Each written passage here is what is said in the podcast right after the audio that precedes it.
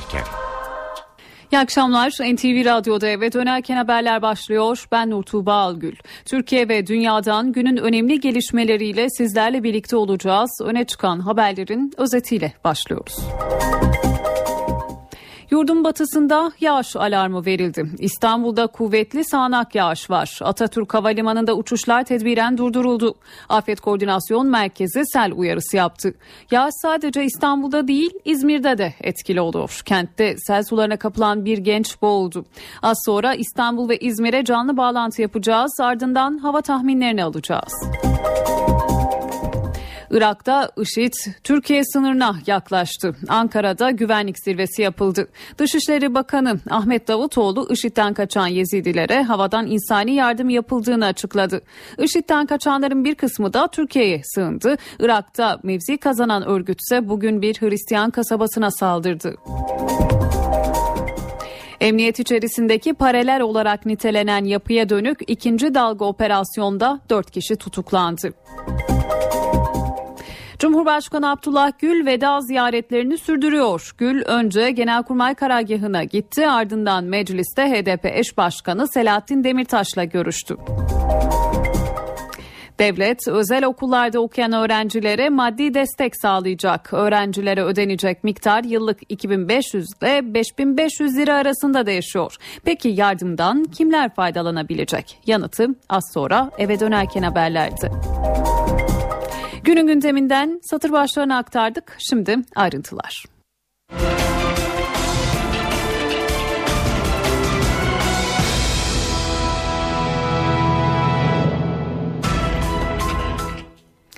Meteoroloji dün uyarmıştı. Bugün İstanbul'da beklenen yağmur ve fırtına başladı. Avcılar Büyükçekmece, Silivri'de göz gözü görmüyor. Yağış ilerleyen dakikalarda tüm İstanbul geneline yayılacak. Şimdi İstanbul sokaklarında şu andaki duruma bakalım. Telefon attığımızda NTV muhabiri Burak Özcan var. Burak sen şu an Avcılar'dasın. Orada son durum ne?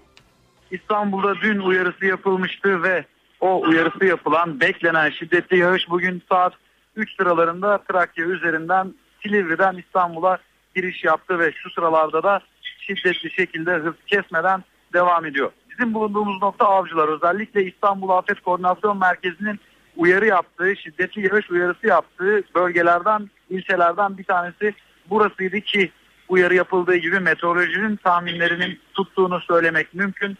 Son bir saattir burada yağışın hayli şiddetli olduğunu söylemek mümkün. Birçok vatandaş evinden dışarı çıkan çeşitli noktalara gitmek için evinden ayrılan vatandaşlar özellikle toplu taşımayla ayrılanlar dışarıda kaldılar ki e, birçoğunun köprü altlarına sığındığını yağmurun en azından biraz da olsa hızını kesmesini beklediğini söylemek mümkün. Kendi özel araçlarıyla yola çıkanlarsa trafikte beklemek zorunda kalıyorlar. İstanbul'da şiddetli yağışların bir diğer adı da trafik, trafik çilesi demek mümkün olur ki ona da yine şahit oluyoruz. Avcılarda bulunduğumuz nokta e5'in hemen kenarındayız ve yağmurun hızını arttırmasıyla birlikte trafiğin yoğunluğu da hayli artmış durumda.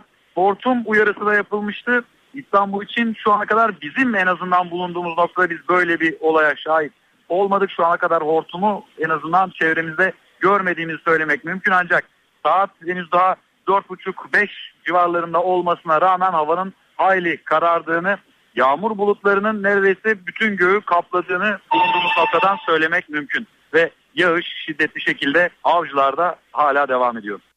Burak Özcan'a teşekkür edelim ve bir not da aktaralım. Şiddetli yağışlardan İstanbul'da yayınlar da olumsuz etkilendi. İstanbul'un pek çok noktasında zaman zaman televizyon ve radyo yayınlarına ulaşılamıyor. Yer yer elektrik kesiliyor ve internet bağlantısında sorun yaşanıyor. BEDAŞ yetkilileri yıldırım ve şimşek kaynaklı arızalar olabileceğini belirtiyor. Sağnak yağmur Trakya ve Ege'de de etkili oluyor. Tekirdağ'da, Bursa'da su baskınları oldu. Yollar göle döndü. İzmir'de ise sağanak yağış daha ilk dakikalarında can aldı.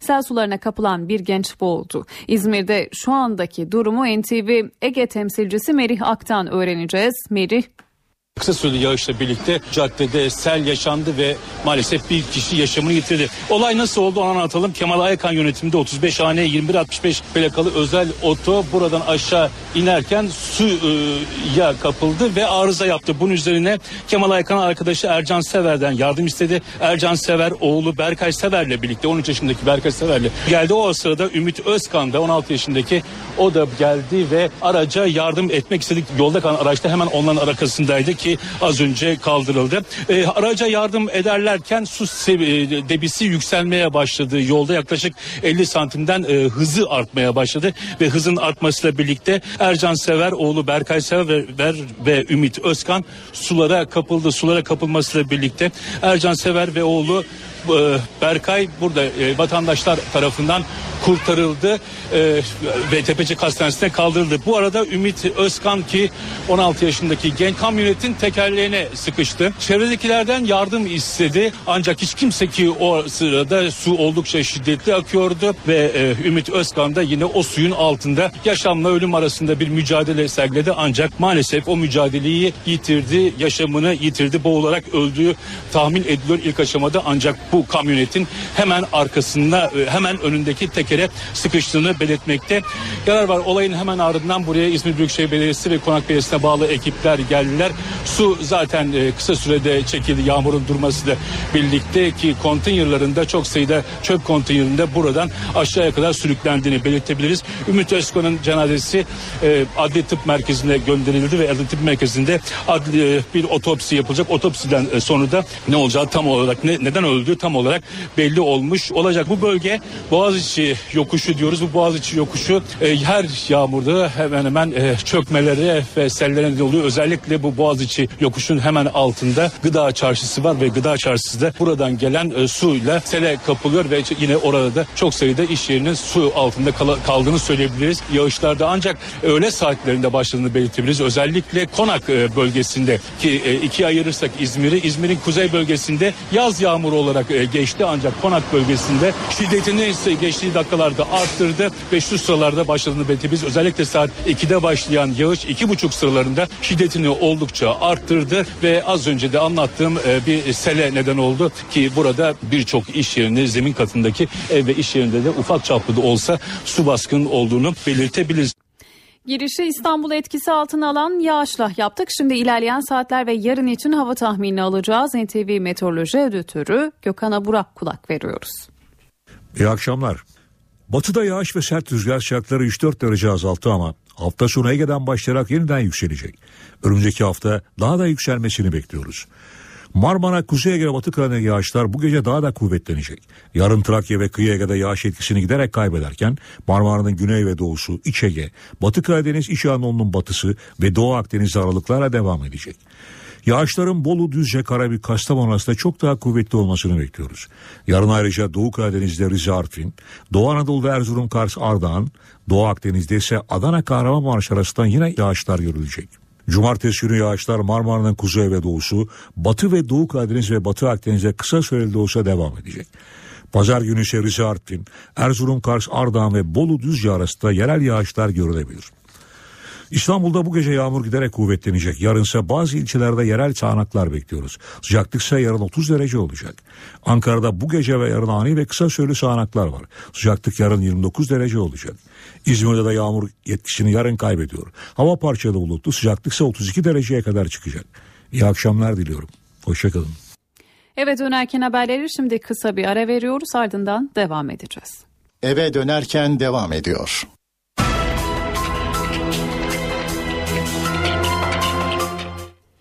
Saat 17.12 eve dönerken haberler devam ediyor. Irak Şam İslam Devleti örgütü IŞİD ele geçirdiği her yerde büyük bir insani drama yol açıyor. Bugün yeni noktalara saldıran örgüt Türkiye'nin hemen yanı başına yaklaşmış durumda. Bu durum Dışişleri Bakanı Ahmet Davutoğlu Başkanlığında MİT Müsteşarı ve kuvvet komutanlarının da katıldığı bir güvenlik zirvesinde ele alındı. IŞİD'in ilerleyişi, örgütün elindeki Musul Konsolosluğu görevlisi 49 Türk'ün durumu ve toplu göç hareketleri görüşüldü. Davutoğlu Davutoğlu o toplantı sonrasında katıldığı NTV canlı yayınında bu başlıklar hakkında önemli açıklamalar yaptı. Sınır boylarındaki güvenlik önlemlerini masaya yatırdıklarını belirten Davutoğlu, Türkiye'nin hem Türkmenlere hem de IŞİD kaosundan kaçan Yezidilere el uzattığını söyledi. Irak'ta artan IŞİD tehlikesi Ankara'da güvenlik zirvesinde masaya yatırıldı. Dışişleri Bakanı Ahmet Davutoğlu, Milli Savunma Bakanı İsmet Yılmaz, Kara Kuvvetleri Komutanı Hulusi Akar, Jandarma Genel Komutanı Servet Yörük ve MİT Müsteşarı Hakan Fidan 3 saat süren kritik bir toplantı yaptı. Bu sabah yapılan toplantıda temelde Türkiye'nin sınır boylarındaki güvenlik sorunları da dahil olmak üzere alandaki değişimlerin ritmini tutmak, onlarla ilgili gelişmeleri takip etmek ve alınabilecek tedbirleri de en etkin bir şekilde almak. Bu bir hazırlık toplantısı. Türkiye'nin dikkati bir yandan da evlerini terk etmek zorunda kalan Yezidiler. NTV yayına katılan Dışişleri Bakanı Ahmet Davutoğlu yapılan yardımları açıkladı. AFAD çok ciddi bir e, yardım paketini hemen Kuzey Irak'a aktardı. Kuzey Irak'tan te, te, temin eden onların helikopterleriyle de Irak helikopterleriyle Sincar Dağları'na bizim verdiğimiz malzeme atıldı. Yiyecek, içecek vesaire. Mümkünse bütün imkanlarımızla Kuzey Irak'ta şu anda kamplar kurarak insanlar yaşadıkları topraklardan uzak bir alana çekmemek. Bakan Davutoğlu'nun gündeminde Musul'da alıkonulan Türkler ve aleyhinde verilen gen soru da vardı. Cumhuriyet Halk Partisi benim hakkında gen soru veriyor. Gen soru bir haktır. Biz bütün bu meselelerle uğraşırken muhalefet partilerinin sadece ve sadece bizimle uğraşıyor olmaları bile dikkate şayandır. Rehineler konusu insani bir konu. Önce onu bir çözelim. Eşit Türkiye'den destek alıyor diyenler ya kördürler ya da vicdansızdırlar. Açık söylüyorum. Hele bunu Türkiye'de söylüyorsa birisi haindir. IŞİD'in saldırılarından kaçan Yezidilerin bir kısmı Türkiye'ye sığınıyor. Gelenler Şırnak'ın Silop ilçesindeki deprem, deprem konutlarına yerleştirildi. Bazı Silopillilerde kalacak yeri olmayan Yezidilere evlerini açtı. Pasaport olmayan bazı Yezidiler ise Habur sınır kapısında bekliyor. IŞİD örgütü Irak'ın en büyük Hristiyan kasabası Karakuş'un da kontrolünü ele geçirdi. Karakuş, Musul'la Kürt bölgesinin yönetim merkezi Erbil arasında büyük çoğunlukla Hristiyanların yaşadığı 50 bin nüfuslu bir kasaba. Iraklı Hristiyanların en az dörtte birinin Karakuş ve çevresinde yaşadığı belirtiliyor. Görgü tanıkları buradaki binlerce Hristiyanın IŞİD'den Kuzey Irak Kürt bölgesine doğru kaçtığını bildiriyor. Bu arada İstanbul Valiliği geçen hafta Ömerli'de IŞİD yanlılarının düzenlediği etkinlikle ilgili açıklama yaptı. Yazılı açıklamada bizim bu etkinliğe izin verdiğimiz iddiası gerçek dışıdır. Faaliyetle ilgili valiliğimize yapılmış bir müracaat olmamış, bu nedenle verilmiş bir izin söz konusu değildir denildi. Irak'ın Kerkük kentinde ise bomba yüklü iki araçla düzenlenen saldırıda 9 kişi öldü. Patlama IŞİD militanlarının saldırılarından kaçanların sığındığı bir Şii camiinde meydana geldi. Cami bomba yüklü iki araçla hedef alındı. 9 kişi yaşamını yitirdi. Çok sayıda kişi de yaralandı. Irak'ın başkenti Bağdat'ta Şii mahallesinde bomba yüklü araçla düzenlenen intihar saldırısında da 14 kişi öldü ve Gazze. İsrail Gazze'de 3 günlük ateşkesin uzatılmasını önerdi. Hamas öneriye henüz yanıt vermedi. Kalıcı ateşkes görüşmeleri Mısır'ın başkenti Kahire'de sürüyor. Filistinliler kalıcı ateşkes müzakerelerinde Gazze'ye 2007'den beri uygulanan ablukanın kaldırılmasını, sınırların açılmasını ve Gazze'nin yeniden yapılandırılması için uluslararası fon oluşturulmasını istiyor. Sürece ilişkin konuşan ABD Başkanı Barack Obama, kalıcı ateşkes için her iki tarafın liderlerinin riski göze alması gerektiğini belirtti. Şiddet olaylarının ardından güven inşa etmenin zorluğuna dikkat çeken Obama, Gazze'nin sonsuza kadar dış dünya ile bağlantısının kesik kalamayacağını vurguladı. NTV Radyo Emniyet içerisindeki paralel olarak nitelenen yapıya dönük ikinci dalga operasyonda 4 kişi tutuklandı. Savcılık sorgusu süren 20 kişiden 13'ü de tutuklanma talebiyle mahkemeye sevk edildi. 7 kişi serbest bırakıldı. Çağlayan Adliyesi'nden notları NTV muhabiri Deniz Tüysüz aktaracak. Deniz son durum ne senden dinleyelim.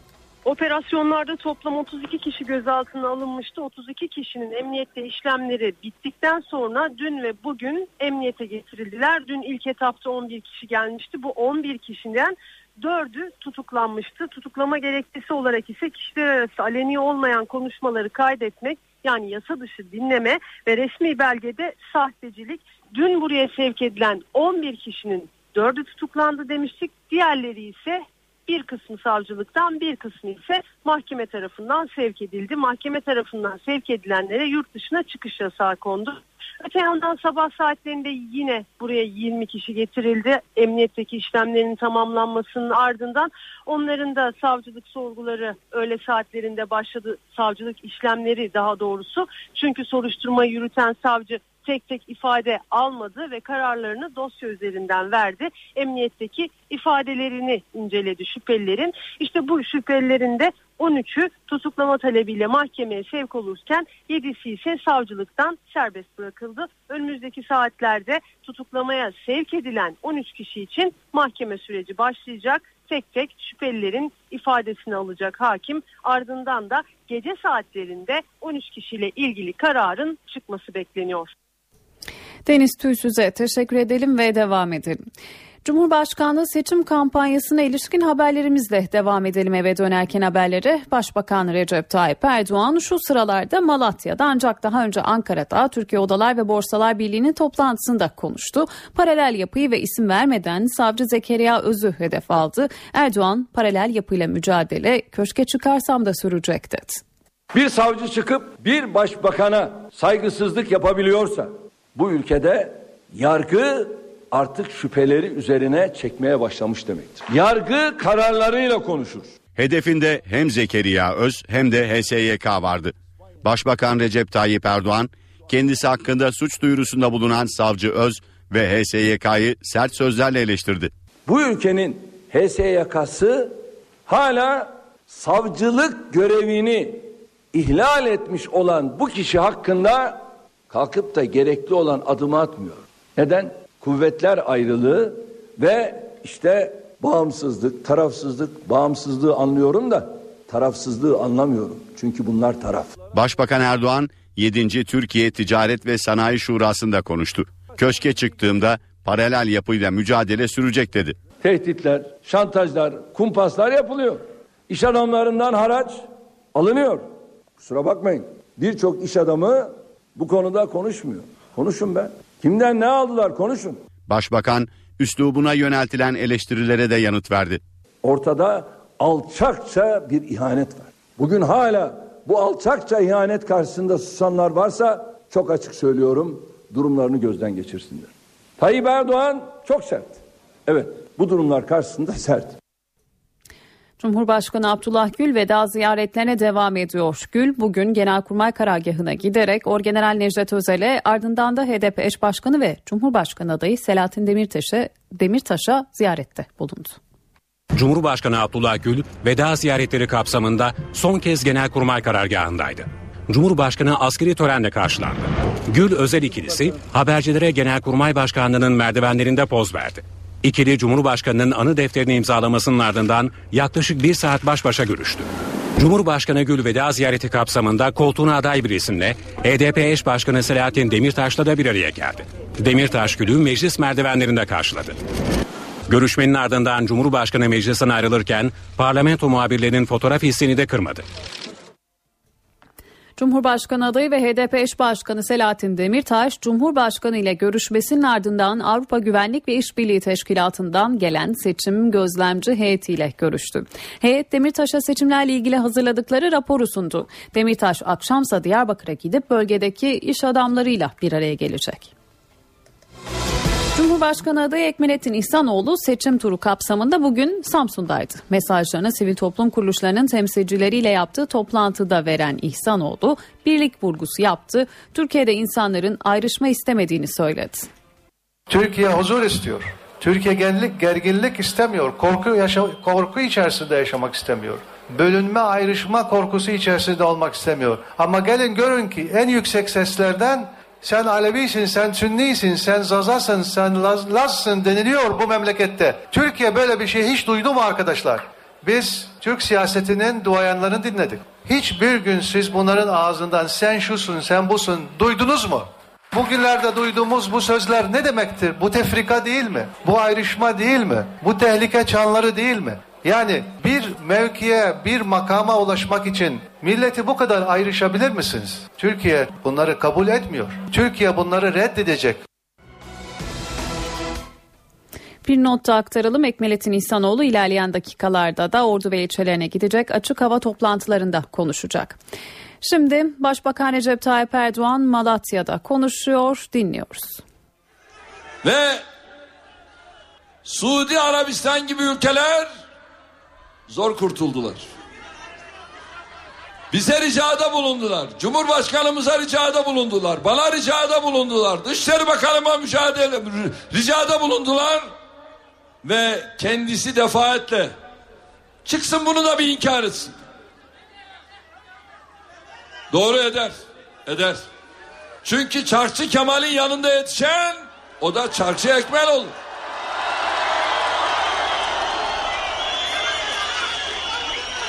Suudi Arabistanlılar bize ya söyleyin de istifa etsin. Çekilsin. Şunu alın. Yerine başka bir türkü verin. Bunu söylediler. Dedik ki seçimden geldi. Almak mümkün değil. Çok ısrar ettiler. Ve kendisi bizzat bana ne dedi biliyor musunuz? Siz benim arkamda durmuyorsunuz dedi. Ya istemiyorlar seni dedik. İstenmediğin yerde niye duruyorsun dedik ya. Bu kadar ısrarlı olma. Tabi koltuk bunlara tatlı tatlı. E dolar da var. Ev kolay kolay bırakılır mı? Şimdi çıkmış monşer aklıyla bize üslup dersi vermeye kalkıyor. Ya sen git üslup dersini önce Pensilvanya'daki o hocana ver. Ağzını açtığında bela okuyan, lanet okuyan, Pensilvanya'daki hocana edep dersi ver.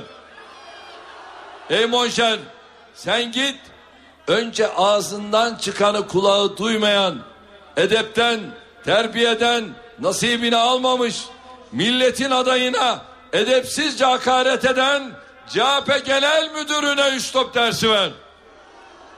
Ey monşer sen eğer üslup dersi vereceksen git sabah akşam ağzından küfür saçılan MHP Genel Başkanı'na üslup dersi ver. Bakın bunların dengeleri artık tamamen bozuldu. Pensilvanya'nın dengesi bozuldu. Ağzından çıkanı kulağı artık duymuyor. Kendi ülkesine, kendi ülkesinin devletine, hükümetine, milletine en ağır beddualar ediyor. Ama bir kez olsun Gazze diyemiyor. Bir kez olsun İsrail diyemiyor. Diyemez. Derse efendileri ipini çeker. Ramazan'da ne diyorlardı? İtikafta diyorlardı. İtikaftan çıkmış akla izahına, vicdana, edebe sığmayacak beddualar ediyor. Ya itikaftan çıkan beddua eder mi? Gelip Malatya'da değil de Pensilvanya'da niye itikafa giriyorsun? Gaziantep'te niye girmiyorsun da Pensilvanya'da giriyorsun? İstanbul'da niye değil de Pensilvanya? Bursa niye değil de Pensilvanya? Konya değil de niye Pensilvanya? Rabbim kimseye kıblesini şaşırtmasın. Rabbim kimseyi zelil etmesin. Kardeşlerim, CHP Genel Müdürü'nün zaten şirazesi dağıldı. Ne söylediğini bilmiyor. MHP Genel Başkanı bildiğiniz gibi. Bunların ortak adayı Monşer'in de artık dengesi bozuldu. Sigortalar attı. Kılıçdaroğlu önceki gün bir televizyona çıkmış. AK Parti kitlesinin sorgulama yeteneği yok diyor. Halkın ahlak reformuna ihtiyacı var diyor. Oradan da gazeteci kılıklı bir militan çıkmış. Edepsiz bir kadın. Müslüman ülkede bunu beklemek zor değil mi diyor. Haddini bil haddini. Haddini bil. Eline vermişler bir kalem. Gazete köşesinde yazıyorsun. Çıkarıyorlar seni işte böyle bu malum Doğan Medya Grubu televizyonuna. Oradan da saygısızca yüzde 99'u Müslüman olan bu halka hakaret ediyorsun. Karşılıklı oturmuşlar hem seçmene hakaret ediyor hem Müslümanlara hakaret ediyorlar. Siz bu kafayla devam edin. bidon kafalı dediniz, göbeğini kaşıyan adam dediniz, sorgulamayan kitle diyorsunuz şimdi. Müslüman diyerek aşağılamaya devam edin. Bu millet sizi bunun için hiçbir zaman iktidara getirmeyecek. Kardeşlerim 10 Ağustos inşallah Türkiye için büyük bir değişimin tarihidir. 10 Ağustos eski Türkiye'nin kapılarının kapanacağı, yeni Türkiye'nin kapılarının ardına kadar açılacağı bir tarihtir. İnşallah 10 Ağustos artık bu eski kafalı muhalefetinde kendisini yenileyeceği, yenilemek zorunda kalacak. Muhalefetin ürettiği kutuplaşmaları artık eski Türkiye'de bırakacağız. Korku siyasetini eski Türkiye'de bırakacağız. Ayrımcılığı, ırkçılığı, yaşam tarzları ve etnik kökenler üzerinden istismar siyasetini eski Türkiye'de bırakacağız. Kardeşlerim, Türküyle, Kürdüyle, Arabıyla, Lasıyla, Çerkeziyle, Gürcüsüyle, Romanıyla, Pomağıyla, Boşnağıyla yaratılanı yaradandan ötürü sevineceğiz. Onun için tek millet. Tek millet. Ve bayrakları bayrak yapan üstündeki kandır, toprak, eğer uğrunda ölen varsa vatandır. Tek bayrak. Üç, tek vatan. 780 bin kilometre kareyle tek vatan. Batıda ne varsa doğuda da güneydoğuda da o olacak. Kuzeyde ne varsa güneyde de o olacak. Vatanımızın üzerinde kimse operasyon yapamaz. Yaptığı anda demir yumruğumuzu karşısında görürler. Dördüncüsü tek devlet. Devlet içinde devlet yok. Paralel devlet. Avucunu yalayacaksın. Ne dedik? İnlerine girilecek. Girilmeye başladı mı? Başladı. Yeterli mi? Değil. Durmak yok. Yola devam. Bunlara da aynı şekilde gerekli olan dersi vereceğiz. Burada Malatya'da kahraman diyarı yiğitlerin, mert insanların şehri Malatya'da bir önemli hususa dikkatlerinizi çekiyorum. 7 Temmuz'da bir Ramazan günü İsrail Gazze'ye karşı bir operasyon başlattı. Ne yazık ki Ramazan bizim için çok acılı geçti. Kadir gecesini kederli ihya ettik. Ramazan bayramında katliam devam etti. Bayramı buruk yaşadık. Önceki gün başlayan ateşkese kadar Filistin'de, Gazze'de 2000 kadar kardeşimiz şehit edildi. 10 bine yakın kardeşimiz yaralandı. 350 binden fazla Gazze'li kardeşimiz evlerini terk etmek zorunda bırakıldı.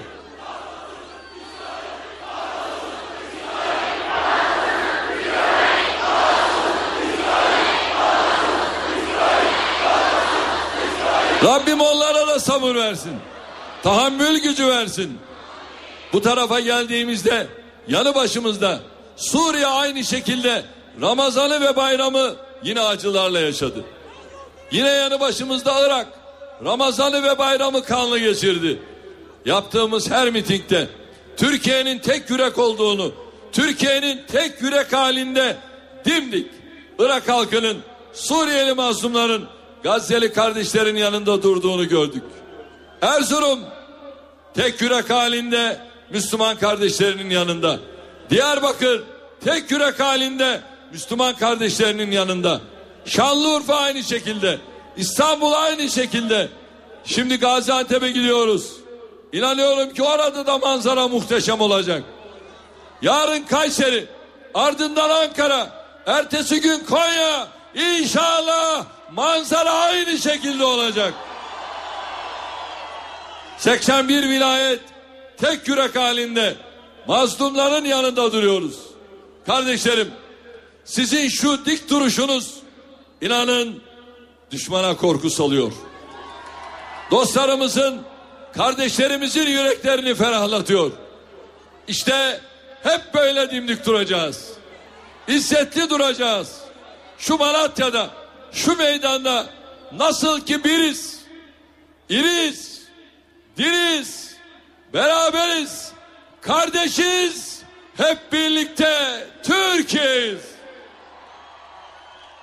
Ebediyen Rabbim bizi bir ve beraber kılsın. Siz burada böyle durduğunuz müddetçe inşallah Filistin'in bayrağı yere düşmeyecek. Siz burada böyle dimdik durduğunuz müddetçe inşallah İslam coğrafyasının umudu hiç sönmeyecek. Kardeşlerim hele hele toprağımız, bayrağımız asla yerde sürünmeyecek. Ona hep birlikte sahip çıkacağız. Gençler üzerinizde önemli bir görev var. Ve unutmayın şunu. Ne diyor MHP'nin bir milletvekili sağına soluna iki tane genç alıyor. Diyor ki hani biz 30 yaşından 25'e indirdik ya seçilme yaşını. Meclise diyor çoluk çocuğumu göndereceğiz diyor. Ben de diyorum ki gençlik bizim her şeyimiz. Şimdi de 25 değil seçme seçilme yaşını 18'e indireceğiz. 18'e. Niye? Ya kardeşim Almanya'da oluyor da Finlandiya'da oluyor da Avusturya'da oluyor da İspanya'da oluyor da Hollanda'da İsveç'te oluyor da onu aşkın Avrupa Birliği üyesi ülkede oluyor da benim ülkemde niye olmasın? Ve biz ki 21 yaşında bir karanlık çağı kapatıp aydınlık çağı açan Fatih Sultan Mehmet'in torunlarıyız. Bizim gençlerimize bu saygısızlığı yapan MHP yönetimine gençler pazar günü ders vermeye hazır mıyız? Onun için çok çalışacağız. Biz umudumuz olan gençlikten çok şey bekliyoruz. Tamam?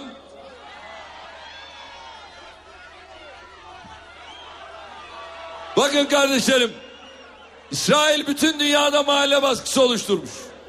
Şımarıkça hareket ediyor. Hukuk tanımıyor. İnsan hakları tanımıyor.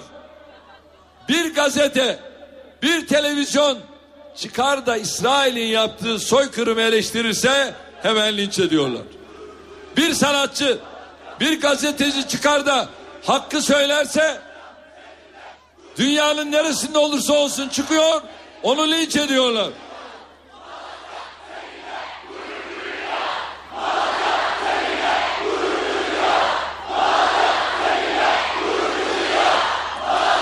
Ben sizlerle gurur duyuyorum. İnsanlar şehit olmuş. Bebeklerin o masum bedenlerini görüyor, işlerinden isyan ediyor ama korkudan bunu dile getiremiyorlar. Biz getiriyoruz. Bu can bu tende oldukça getirmeye devam edeceğiz. Kardeşlerim, üç şey var. Ya elinizle düzelteceksiniz, bir yanlışı gördüğünüz zaman, ya dilinizle düzelteceksiniz, ona da gücünüz yetmiyorsa, evet, kalbinizden buğz edeceksiniz. Ki bu imanın en zayıf derecesidir. İşte biz bu üçten bir tanesini yapalım ya. Yapalım. Bunu yapalım. İnancımızın gereği bu. Tarih boyunca bu millet ta Hint yarımadasına zulüm var diye donanma gönderen bir millet. Öyle bir ecdadın torunlarıyız. Kardeşlerim, Türkiye'de bir kısım medyanın üzerinde, işverenlerin üzerinde, bir kısım sivil toplum örgütlerinin, hatta siyasetçilerin üzerinde mahalle baskısı var. Doğan grubu, İsim veriyorum açık. Radikal gazetesi. Ne diyor? İsrail saldırı altında diyor. Ey Doğan grubu. İsrail mi saldırı altında? Gazze mi saldırı altında?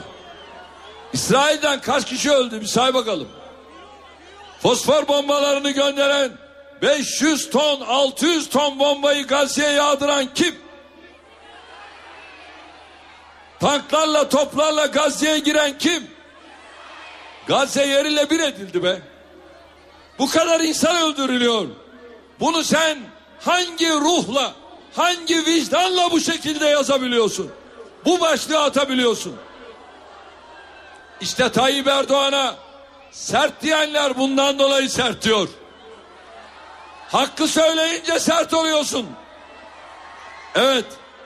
Eğer bu sözlerim sertlikse sert olmaya devam edeceğim.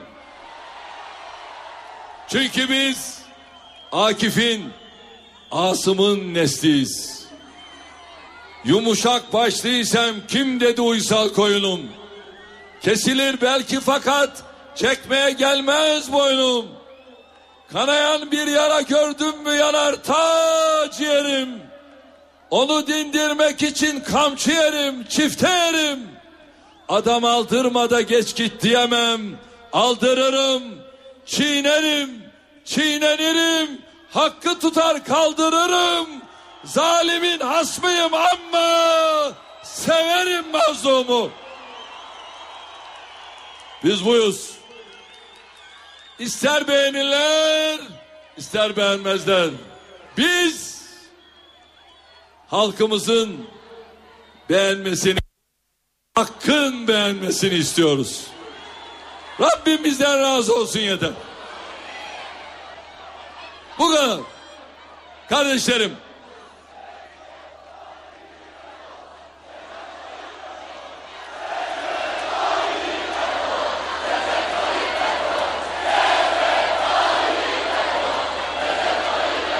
Kardeşlerim İsrail Gazze'de bir ay içinde 10 gazeteciyi katletti. Medya kuruluşlarının ofisleri koordinatları verildiği halde hedef yapıldı bombalandı. Dünyadan bir tepki duydunuz mu? Uluslararası basın kuruluşlarından bir tepki duydunuz mu? Türkiye'de polis öldürmekten, bekçi öldürmekten, hırsızlıktan, terörden hükümlü kişileri gazeteci olarak dünyaya gösteren o basın kuruluşlarından İsrail'e bir tek tepki duydunuz mu? Sabah akşam Türkiye ile uğraştılar. Türkiye'de basın özgürlüğü yok diye yagara kopardılar. Türkiye'den fazla gazeteci tutuklu, yüzden fazla gazeteci tutuklu diye yalan söylediler. Filistin'de 10 gazeteci öldü, bu örgütten ses çıkmadı. Çıkmıyor. CHP'nin genel müdürü de bu örgütün ses, sözcülüğünü yapıyor. Gidiyor dünyaya kendi ülkesini şikayet ediyor. Şimdi Filistin'de 10 gazeteci öldürüldü. Ey Kılıçdaroğlu söyle bakalım. Tek kınama var mı? Tek değerlendirme var mı? Ey Bahçeli söyle bakalım var mı? Bizim için kimin ne dediği önemli değil. Bizim ne dediğimiz, bizim ne düşündüğümüz önemli. Hiç kimse bize gündem dayatamaz. Hiç kimse benim ülkeme istikamet çizemez. Biz tarih boyunca hakkı söyledik. Hakkın mücadelesini verdik. Şu anda da hakkı söylemeye, hak için mücadeleye devam edeceğiz. Eski Türkiye geride kaldı. Boynunu büken, her şeye rıza gösteren, gündemi belirlenen, özür dileyen Türkiye geride kaldı. Biz güçlü bir devletiz. Ekonomimizde güçlü bir devletiz. Geldik. Neydi milli gelirimiz? 230 milyar dolar. Şimdi 820 milyar dolar. Devletin borçlanma faizi neydi? Yüzde 63. Şimdi 9,3. Kardeşlerim enflasyon neydi? Yüzde 30. Şimdi 9,1. Bak nereden nereye geldik. Bu MHP, CHP'nin yavrusu DSP, IMF'ye borçlandılar. 23,5 milyar dolar borç vardı. Sıfırladık mı? Bitti mi? Şimdi bizden 5 milyar dolar borç istiyorlar. Veririz dedik. Veririz ya. Veren el alan elden üstündür. Merkez Bankası. Milli Bankamız değil mi? Ey MHP. Neredeyse tamamen sıfırladınız ya. Merkez Bankası'nı o hale getirdiniz. Ne vardı kasada? 27,5 milyar dolar. Şimdi ne var? 133 milyar dolar. Nereden? Nereye? Ah kardeşlerim. Bu gerçekler ortada. Çıkmış Ekmel anlatıyor. Ya Ekmel sen ne anlarsın ekonomiden ya? Ne anlarsın ekonomiden? Diyor ki ben diyor Cumhurbaşkanı olursam yolla filan ben uğraşacak değilim ki diyor. Eyvah. Monşer ya. Onların böyle bir derdi yok. Göreve geldik 79 senede. Türkiye'de 6100 kilometre yol yapılmıştı.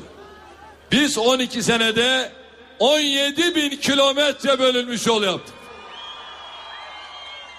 Zaten fazla lafa hacet yok ki.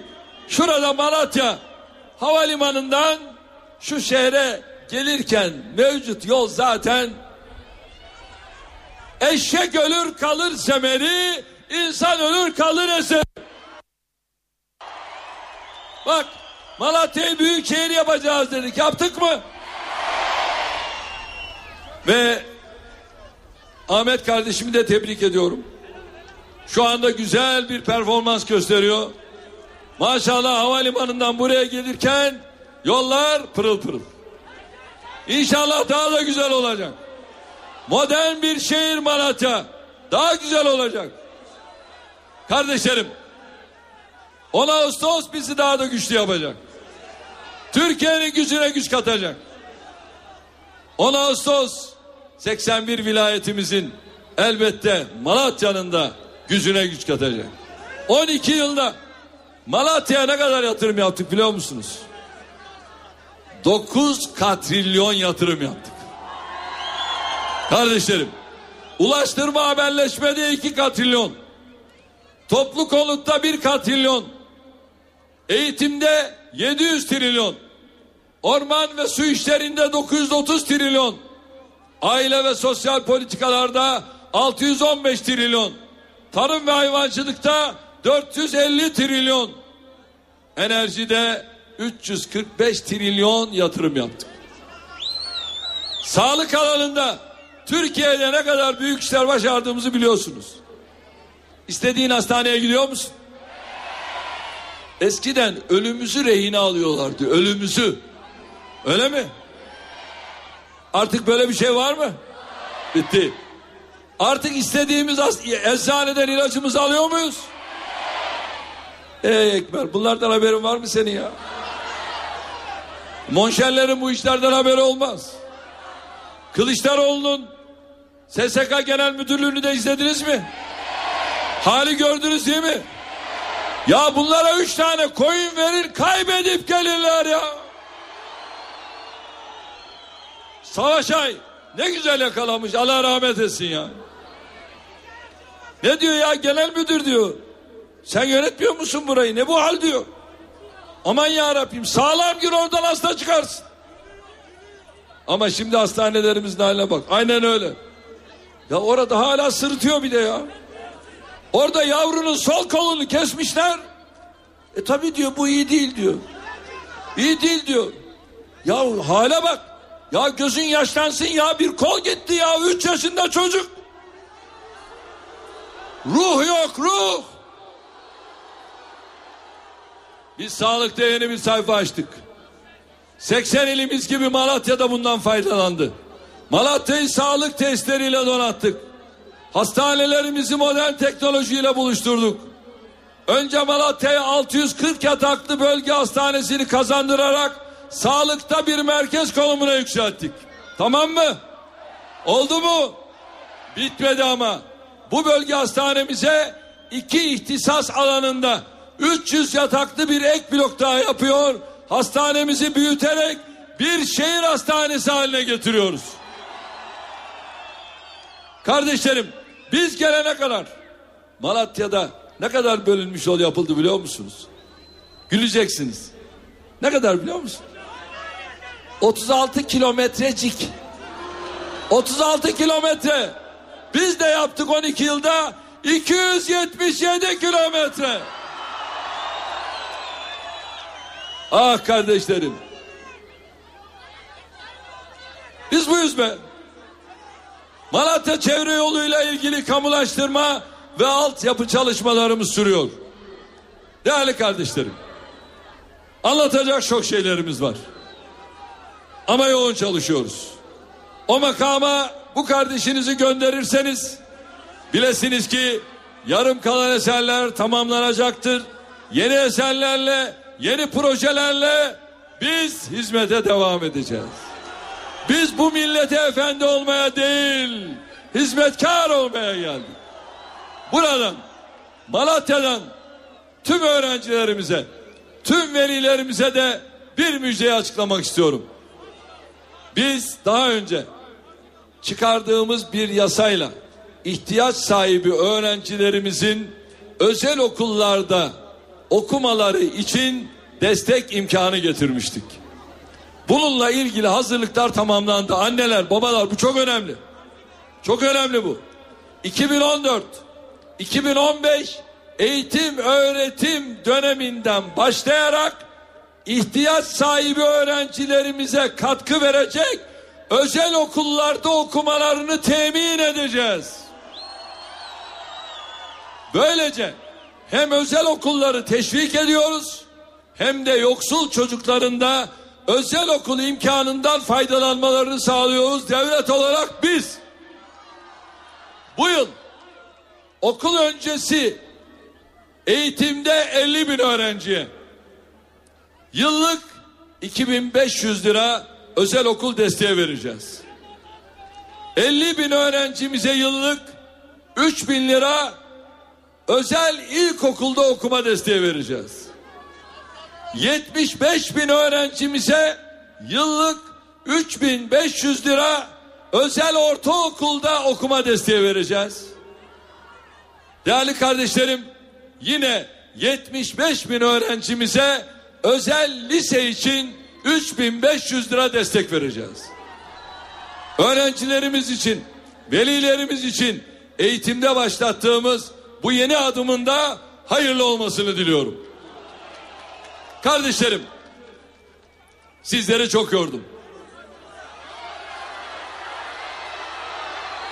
Ama şimdi tabii bizi Gaziantep'te bekliyor. Oraya da yetişeceğiz. Kardeşlerim, pazara kadar durmak yok.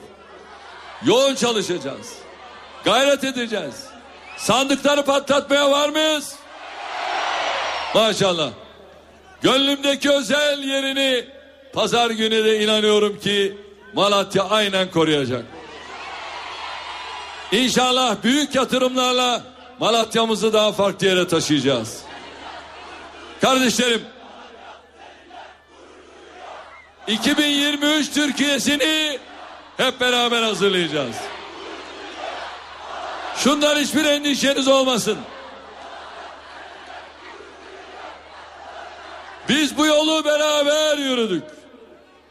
Uzun ince bir yoldayız. Başbakan Recep Tayyip Erdoğan Malatya'da konuştu. Canlı olarak aktardık. Eve dönerken haberleri şimdi kısa bir ara veriyoruz. Ardından gündemde öne çıkan gelişmeleri aktarmaya devam edeceğiz. Eve dönerken devam ediyor.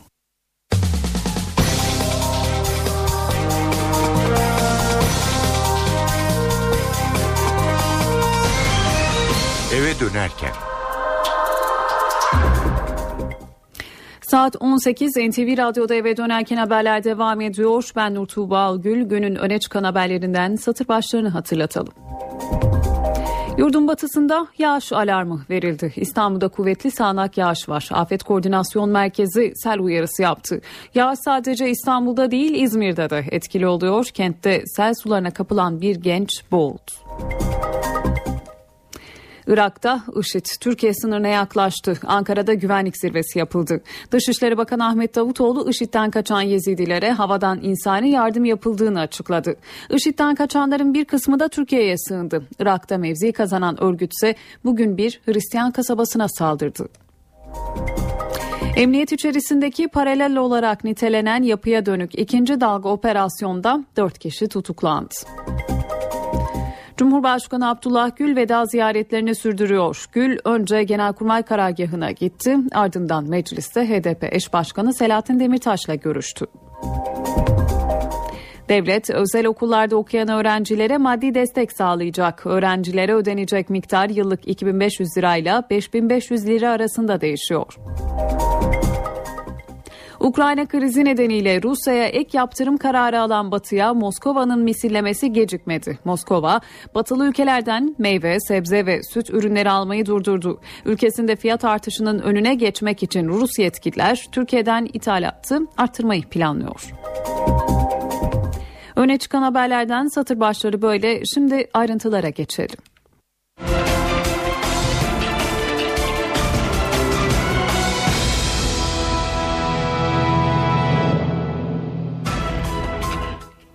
İstanbul'da meteorolojinin uyarılarının ardından beklenen yağmur ve fırtına akşam saatlerinde etkili olmaya başladı. İstanbul'da bazı noktalara yıldırım da düştü.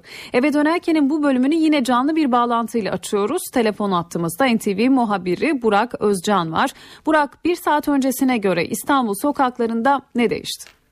İstanbul'da saat 3 sıralarında başlayan şiddetli yağışlar hala devam ediyor. Saat 3'e doğru özellikle öğlenden sonra kentin atmosferi kararmaya başlamıştı. Gökyüzü kararmaya başlamıştı ve saat 3 itibariyle Trakya üzerinden Silivri'den giriş yaptı. Yağış İstanbul'a, Silivri'den İstanbul'un diğer bölgelerine doğru yağış hızla yayıldı ve şu anda İstanbul'un hem Avrupa yakasında hem de Anadolu yakasında yağış birçok noktada etkili olmakta. Tabii bir süre e, şiddetli yağış nedeniyle Atatürk Havalimanı'nda da uçuşlar durduruldu. E, ancak daha sonra bu durum tekrardan normale döndü. Biz şimdi Avrupa yakasındayız. Avrupa yakasında hava alanı yakınlarında olduğumuzu söylemek mümkün. Yeşilköy yakınlarında olduğumuzu söylemek mümkün. Şiddetli yağış buralarda da devam ediyor. Zaman zaman e, bazı noktalarda seller olduğu bilgisi geliyor.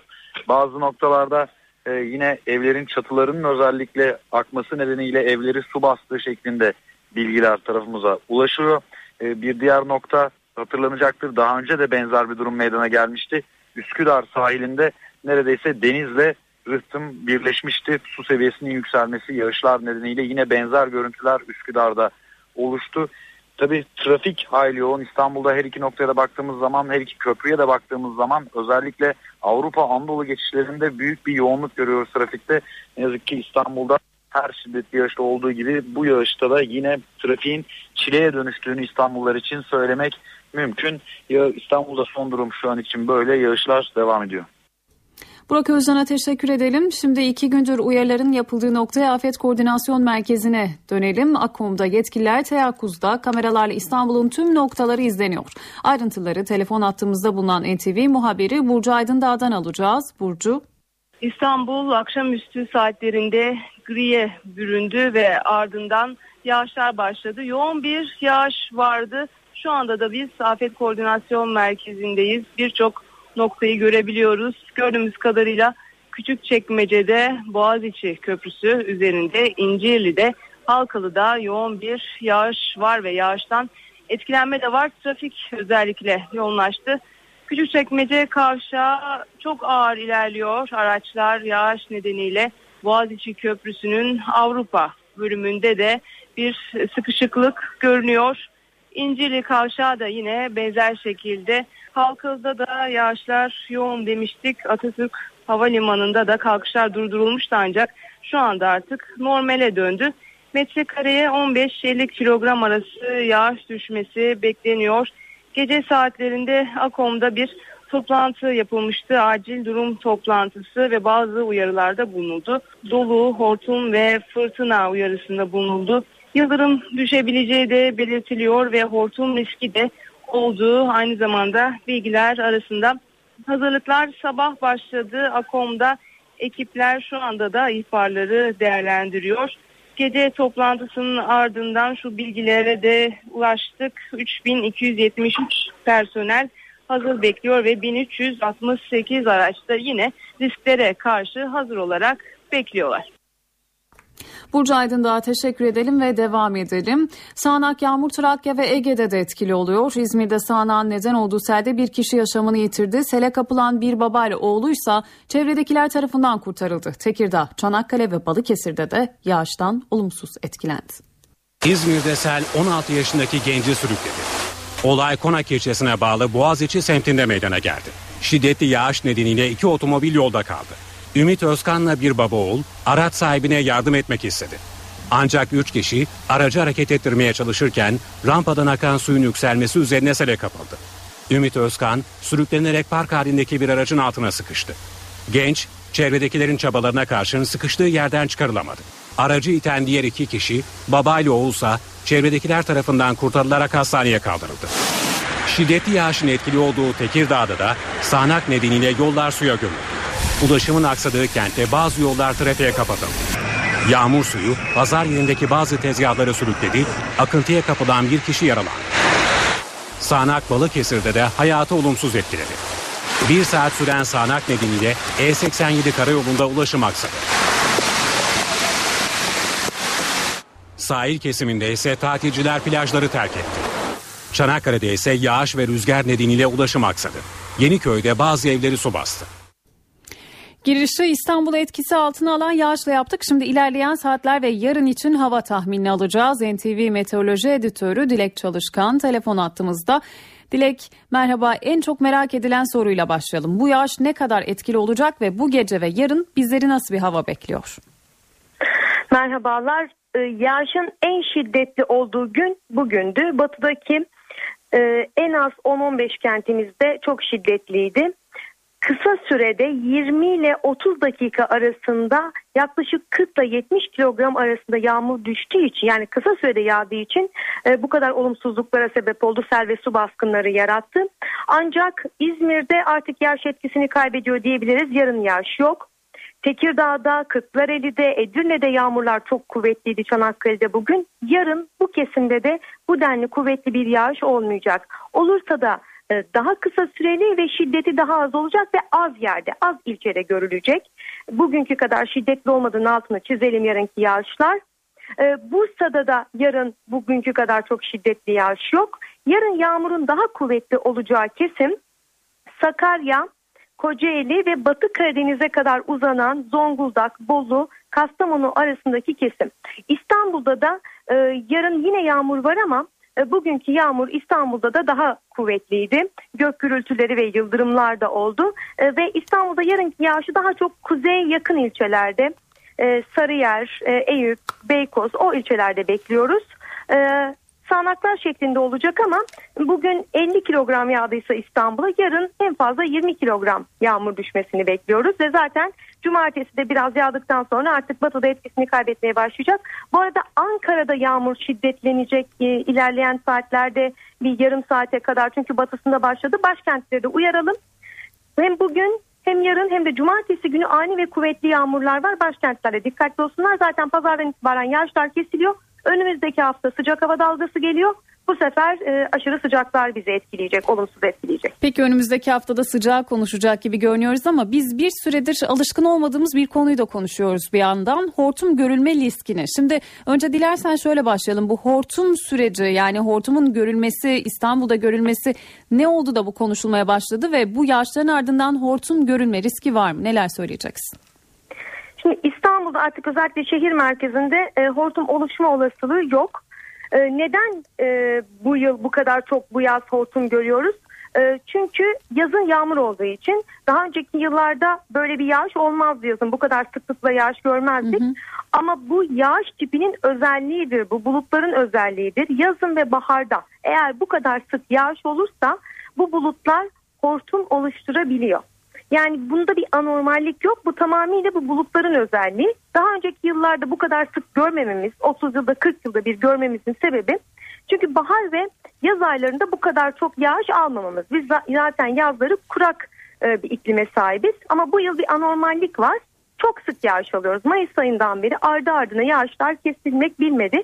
O nedenle de e, hortum, e, hortum e, İstanbul'da son iki ayda iki kere e, yaşamış olduk ve önümüzdeki günlerde de e, yağmurlar devam ettiği sürece bu kadar hava sıcak ve nemliyken hortum oluşma olasılığı yine var.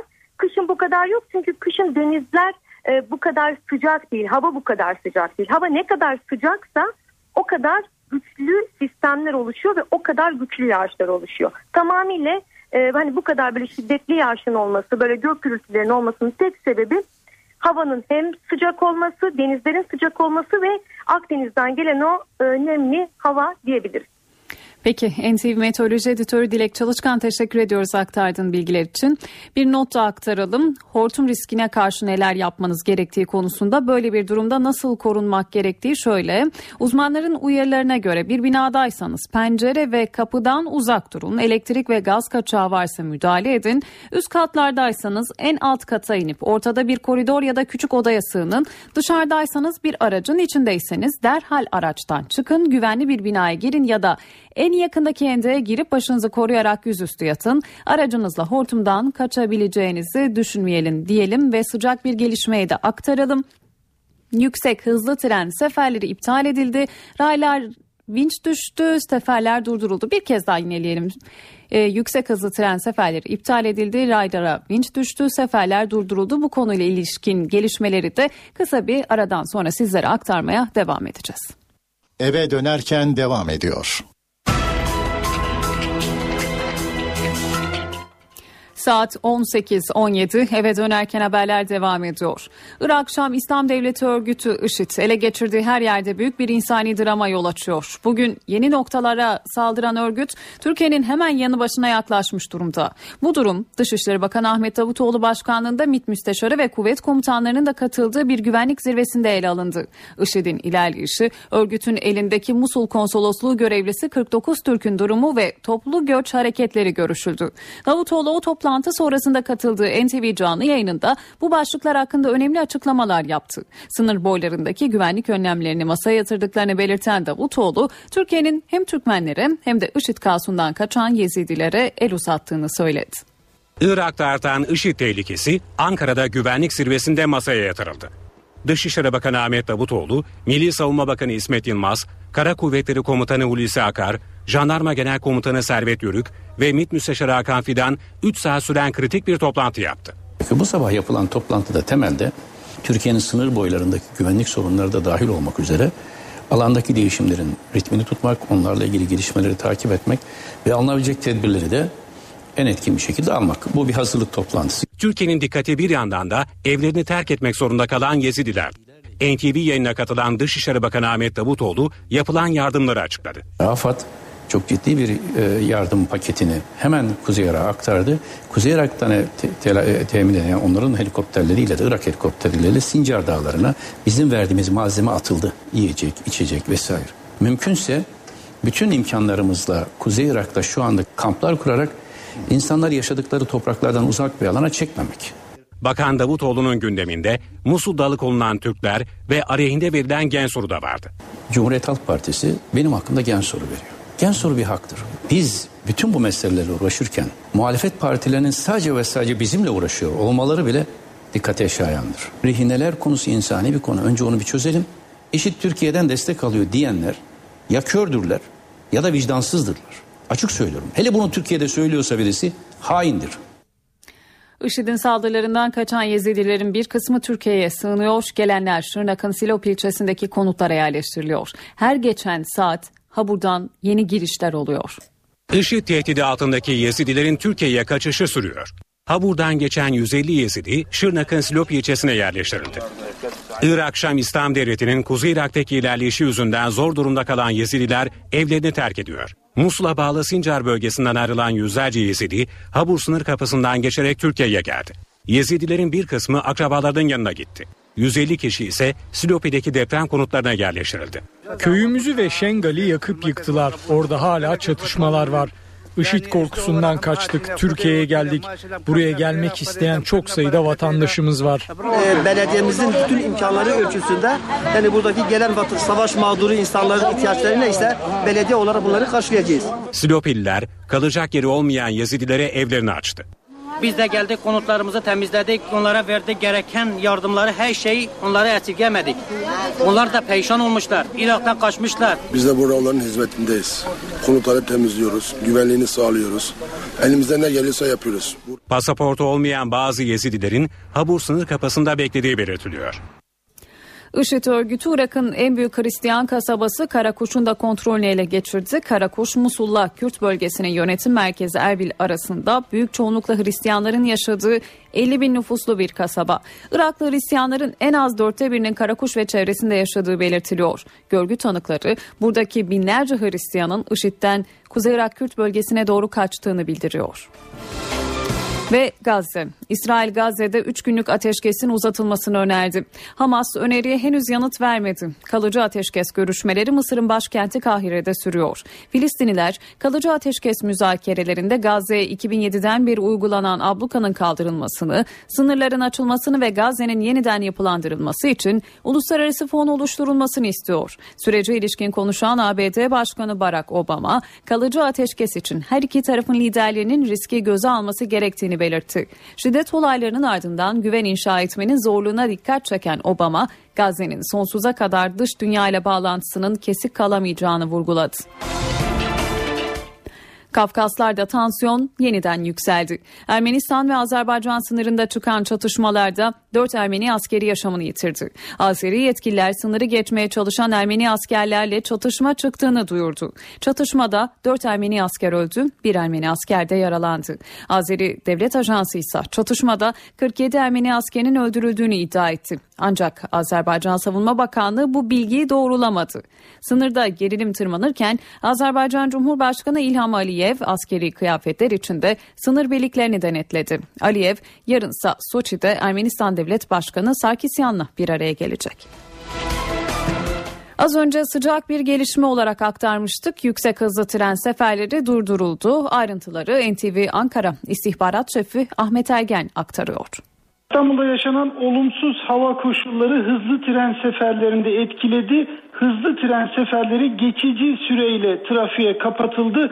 Bunun sebebi ise saat 17.05'te Körfez istasyonu yakınında yaşanan bir gelişme. Marmara Tersanesi'ne ait 200 tonluk vinç şiddetli fırtınanın etkisiyle devrildi ve bu vincin kolları demir yolu üzerine düştü. Devlet Demir Yolları'nın yaptığı açıklamaya göre hat üzerine fırtınadan dolayı ağaçların da devrildiği ve konteynerların saçıldığı bilgisi alındı. Şiddetli fırtınadan kaynaklanan bu olay nedeniyle biraz önce de söylediğimiz gibi e, hat geçici süreyle tren e, tren trafiğine kapatıldı ve bu olay nedeniyle Arifiye'de bekleyen yüksek hızlı tren yolcuları Kartal Kadıköy metrosuna ulaşacak şekilde otobüsle Ankara yönü e, trenlerin yolcuları ise yine otobüslerle Pendik'ten Arifiye'de hazır bekleyen hızlı trenlere aktarılacak. Demiryollarının açıklaması bu şekilde.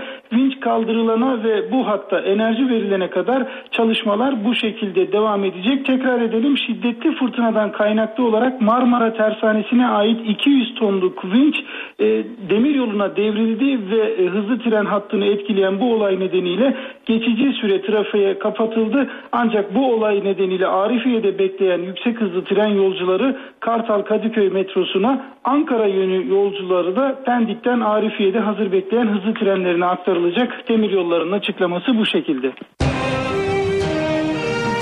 NTV Radyo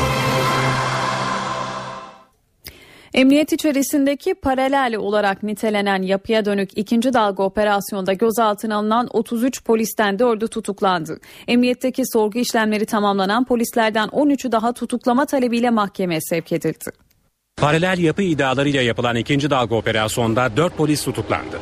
Adaletten başka herhangi Evrakta usulsüzlük ve yasa dışı dinleme yaptıkları iddiasıyla gözaltına alınan 33 polisten 10'u hakkında mahkeme kararını verdi. Polislerden 4'ü tutuklandı.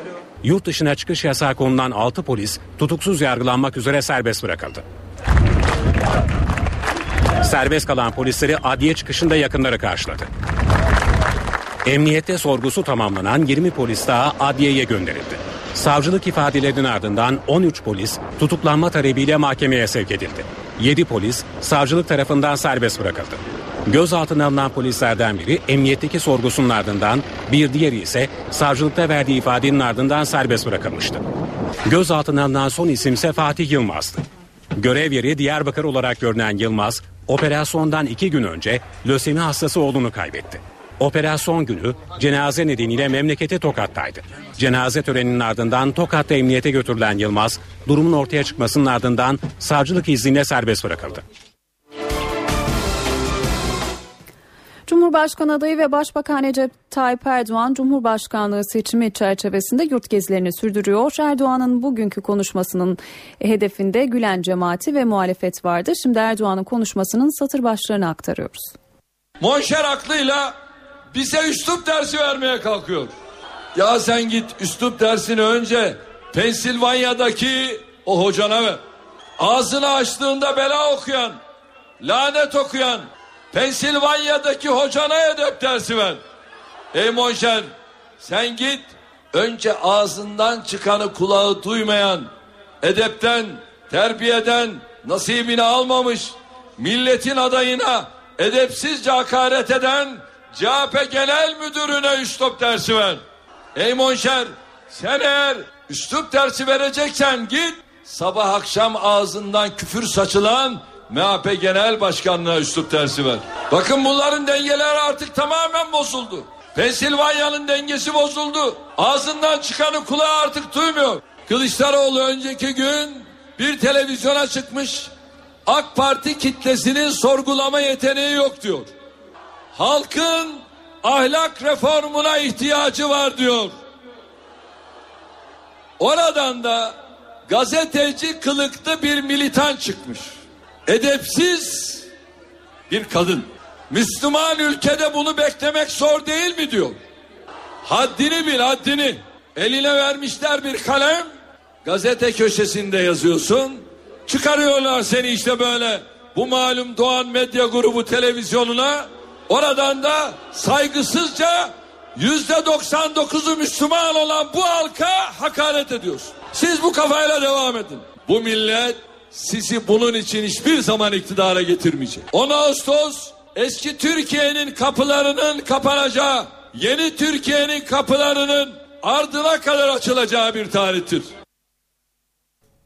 Cumhurbaşkanı Abdullah Gül veda ziyaretlerine devam ediyor. Gül bugün Genelkurmay Karargahı'na giderek Orgeneral Necdet Özel'e ardından da HDP eş başkanı ve Cumhurbaşkanı adayı Selahattin Demirtaş'a ziyarette bulundu.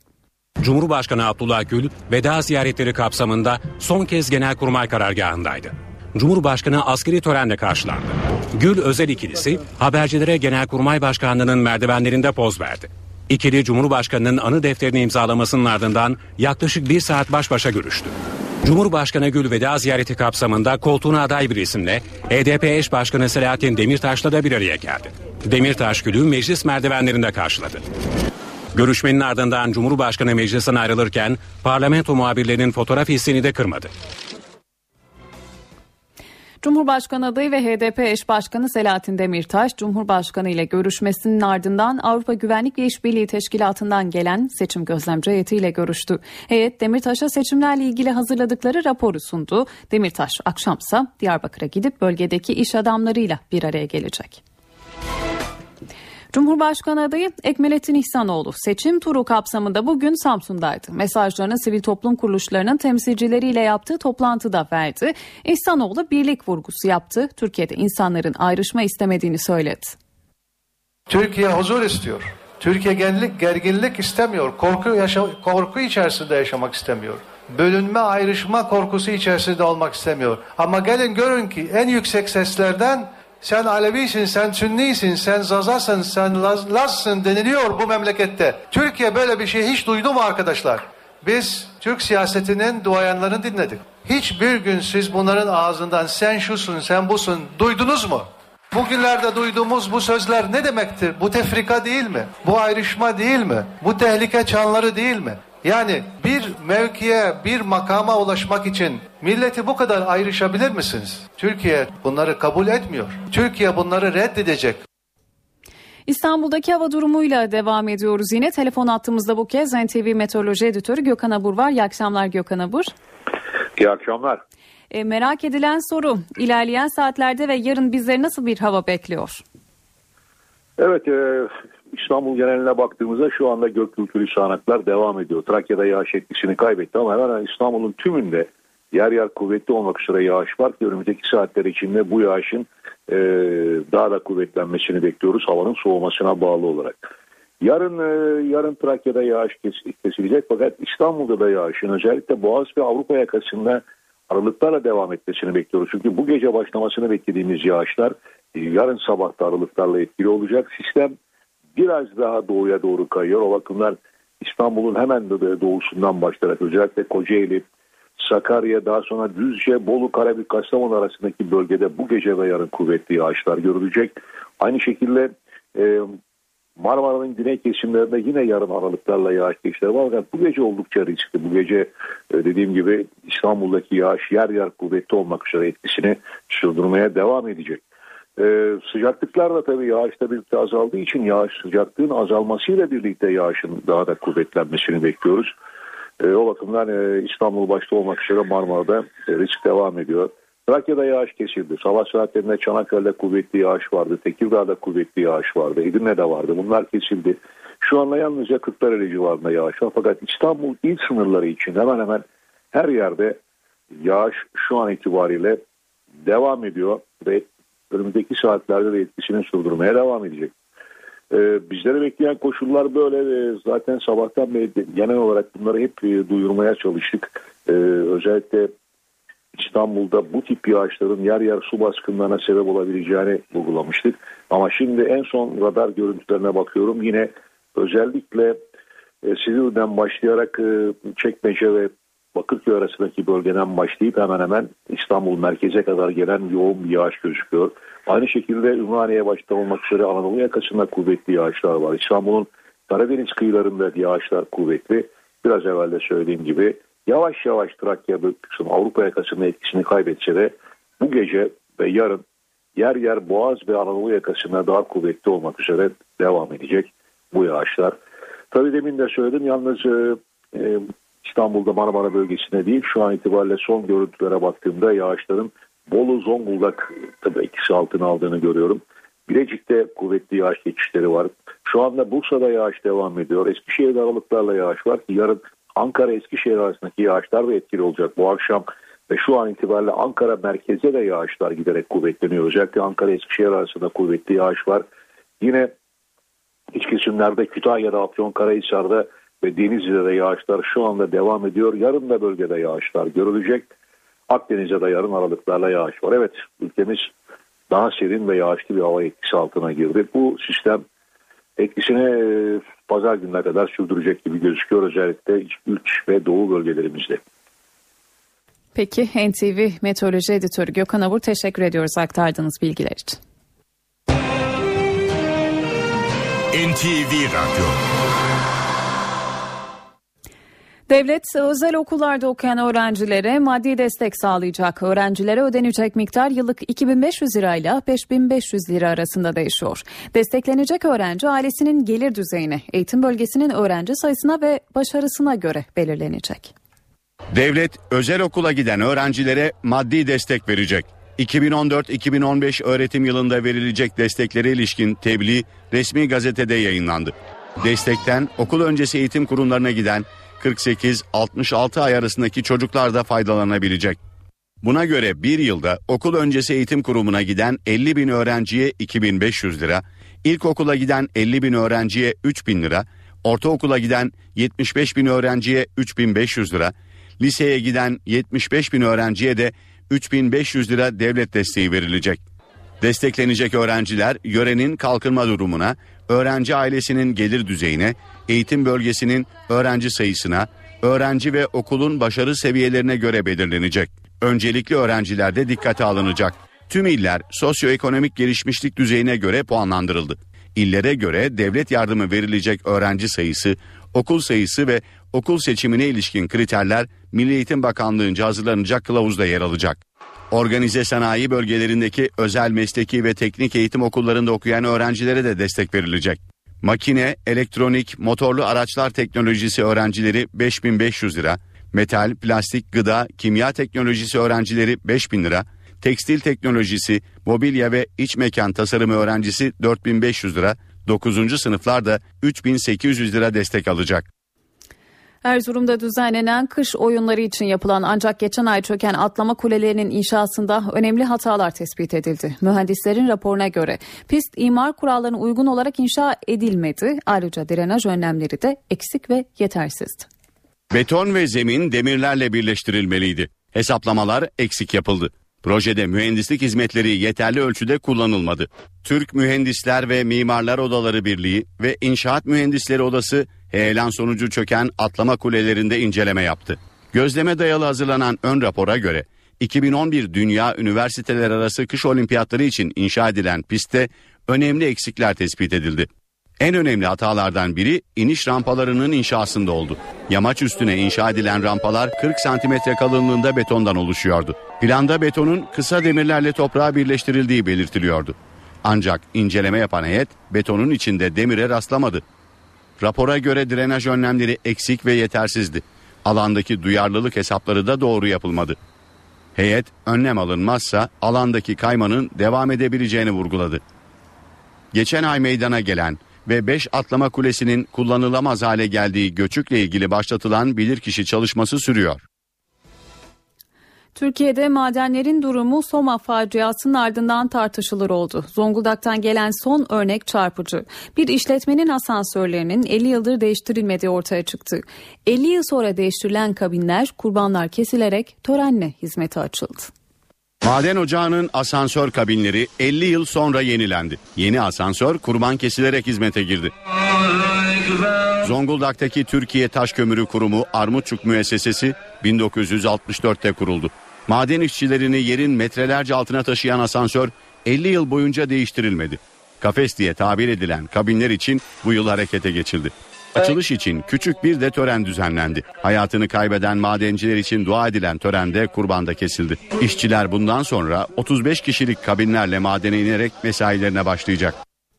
İstanbul Kartal'da polis uyuşturucu çetelerine şafak baskını düzenledi. 500 polis 20 adresi bastı. Yüklü miktarda sentetik uyuşturucu ve esrar ele geçirildi. İstanbul Kartal'daki Top Selvi ve Yunus mahallelerinde yaklaşık 500 polis uyuşturucu operasyonunda. 20 noktaya baskın düzenlendi. Evler didik didik arandı. Bonzai olarak bilinen sentetik kanabiyonit ve esrar ele geçirildi. Gözaltına alınanlar oldu. Diyarbakır'dan İstanbul'a gelen bir minibüsün yedek lastiği. Araç ihbar üzerine Çamlıca gişelerde durduruldu.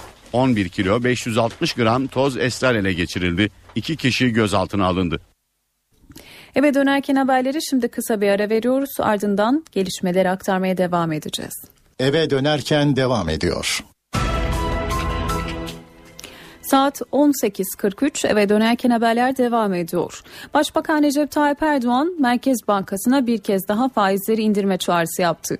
Merkez Bankası'nın tavrını tasvip etmediğini vurgulayan Erdoğan, Cumhurbaşkanı seçilirse hükümetin ekonomi politikalarında bir değişiklik olmayacağını da söyledi.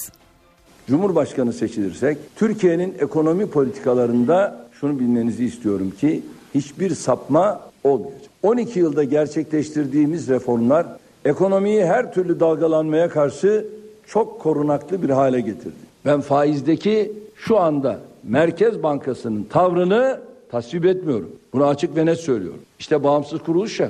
Faizin daha da düşmesi lazım. Faizin inmesi lazım. Türkiye'de yatırımların devamı için faizin inmesi lazım. Bunu bir defa bilelim.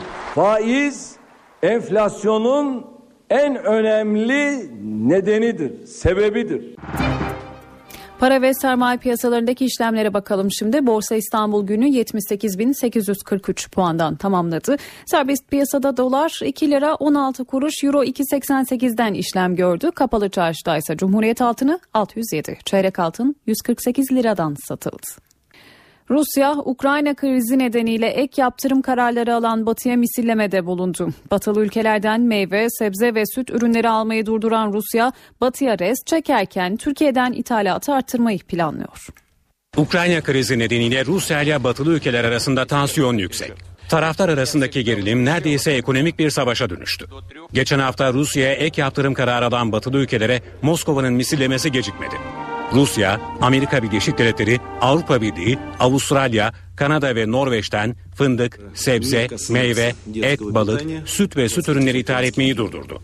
Yasak tam bir yıl sürecek. Moskova'nın bu hamlesinin batılı çiftçilere milyarlarca dolara mal olacağına dikkat çekiliyor. Zira Rusya Avrupa ülkeleri için en büyük ikinci yiyecek ve içecek pazarını oluşturuyor. İthalat yasağının Rusya'da fiyat artışına yol açabileceği ve Rus tüketicileri olumsuz etkileyebileceği de belirtiliyor. Ancak Rus hükümeti rafların boşalmasını önlemek ve fiyat artışını engellemek için Türkiye, Latin Amerika ve eski Sovyet ülkelerinden daha fazla yiyecek ithal edeceğini duyurdu.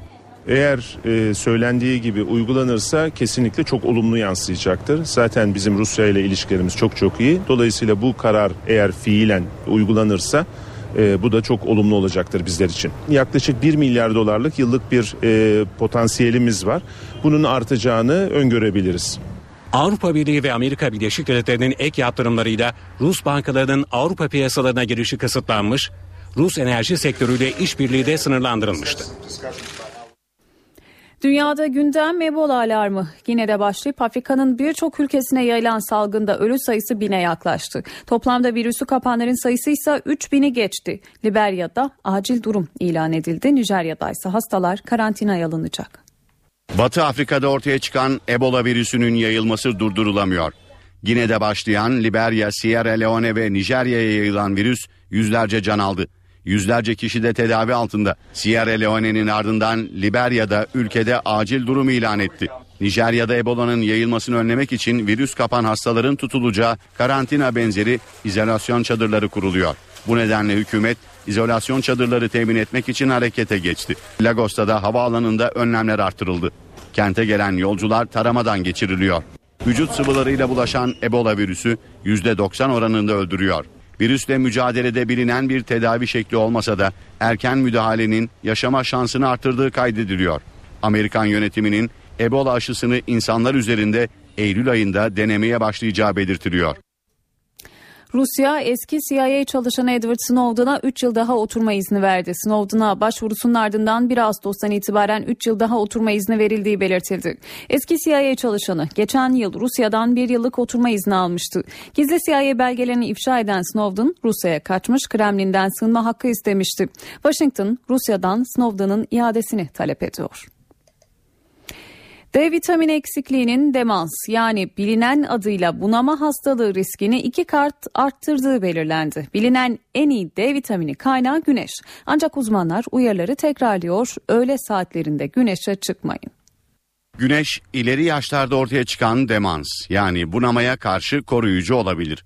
Tespit İngiltere'nin Exeter Üniversitesi'nde yapılan bir araştırmadan. Araştırmaya göre D vitamini eksikliği Alzheimer ve bunama riskini artırıyor. Araştırma 65 yaş üzeri 1600 kişi üzerinde yapıldı. 6 yıl süren araştırmada D vitamini eksikliği görülenlerde Alzheimer ve bunama riskinin %50 daha fazla olduğu saptandı. Aşırı D vitamini eksikliği görülenlerde ise bu riskin %125 yani 2 kata kadar yükseldiği tespit edildi. Doktorlar bu sonuçların şaşırtıcı olduğunu söylüyor. Ancak D vitamini alımıyla bunamanın önüne geçilebileceğini söylemek için henüz erken. Uzmanlar bunun için klinik testler yapılması gerektiğini söylüyor. Özellikle somon ve ton gibi yağlı balıklarda bulunan D vitamini derinin güneşe maruz kalmasıyla ortaya çıkıyor. Ancak uzmanlar güneş konusunda uyarıyor. Güneşin dik açıyla geldiği öğle saatlerinde güneşe maruz kalmanın tehlikeli olabileceğine dikkat çekiliyor. Günde 15 dakika güneş görmenin D vitamini açısından yeterli olduğu söyleniyor. Okyanuslar kirleniyor. Sanayi devriminden bu yana okyanuslarda civa oranı 3 kat arttı. Durum hem insan hem de deniz canlıları için tehdit oluşturuyor. Okyanuslar alarm veriyor. Nature dergisinde yayınlanan yeni bir araştırmaya göre okyanuslarda biriken civa oranı sanayi devriminden bu yana tam 3 kat arttı. Bu artışın nedeni ise insanoğlunun dünyayı hızla kirletmesi. Madencilik, kömürle çalışan termik santraller ve denize bırakılan kanalizasyon okyanuslardaki civa oranının hızla artmasına yol açıyor.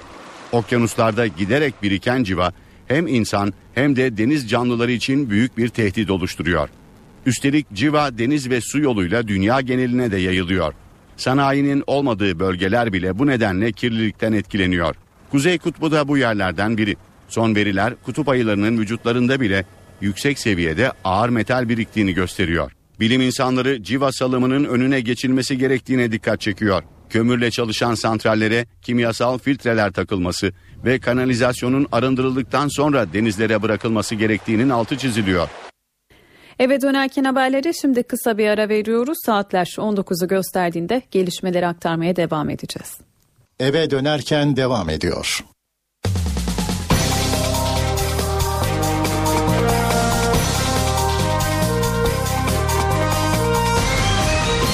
Dönerken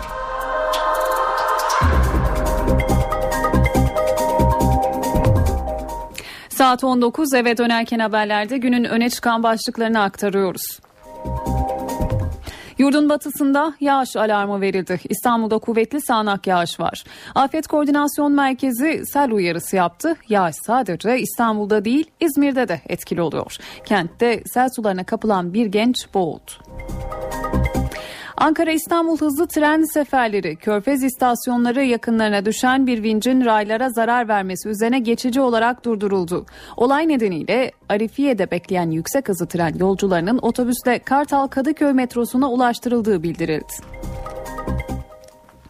Irak'ta IŞİD Türkiye sınırına yaklaştı. Ankara'da güvenlik zirvesi yapıldı. Dışişleri Bakanı Ahmet Davutoğlu IŞİD'den kaçan Yezidilere havadan insani yardım yapıldığını açıkladı. IŞİD'den kaçanların bir kısmı da Türkiye'ye sığındı.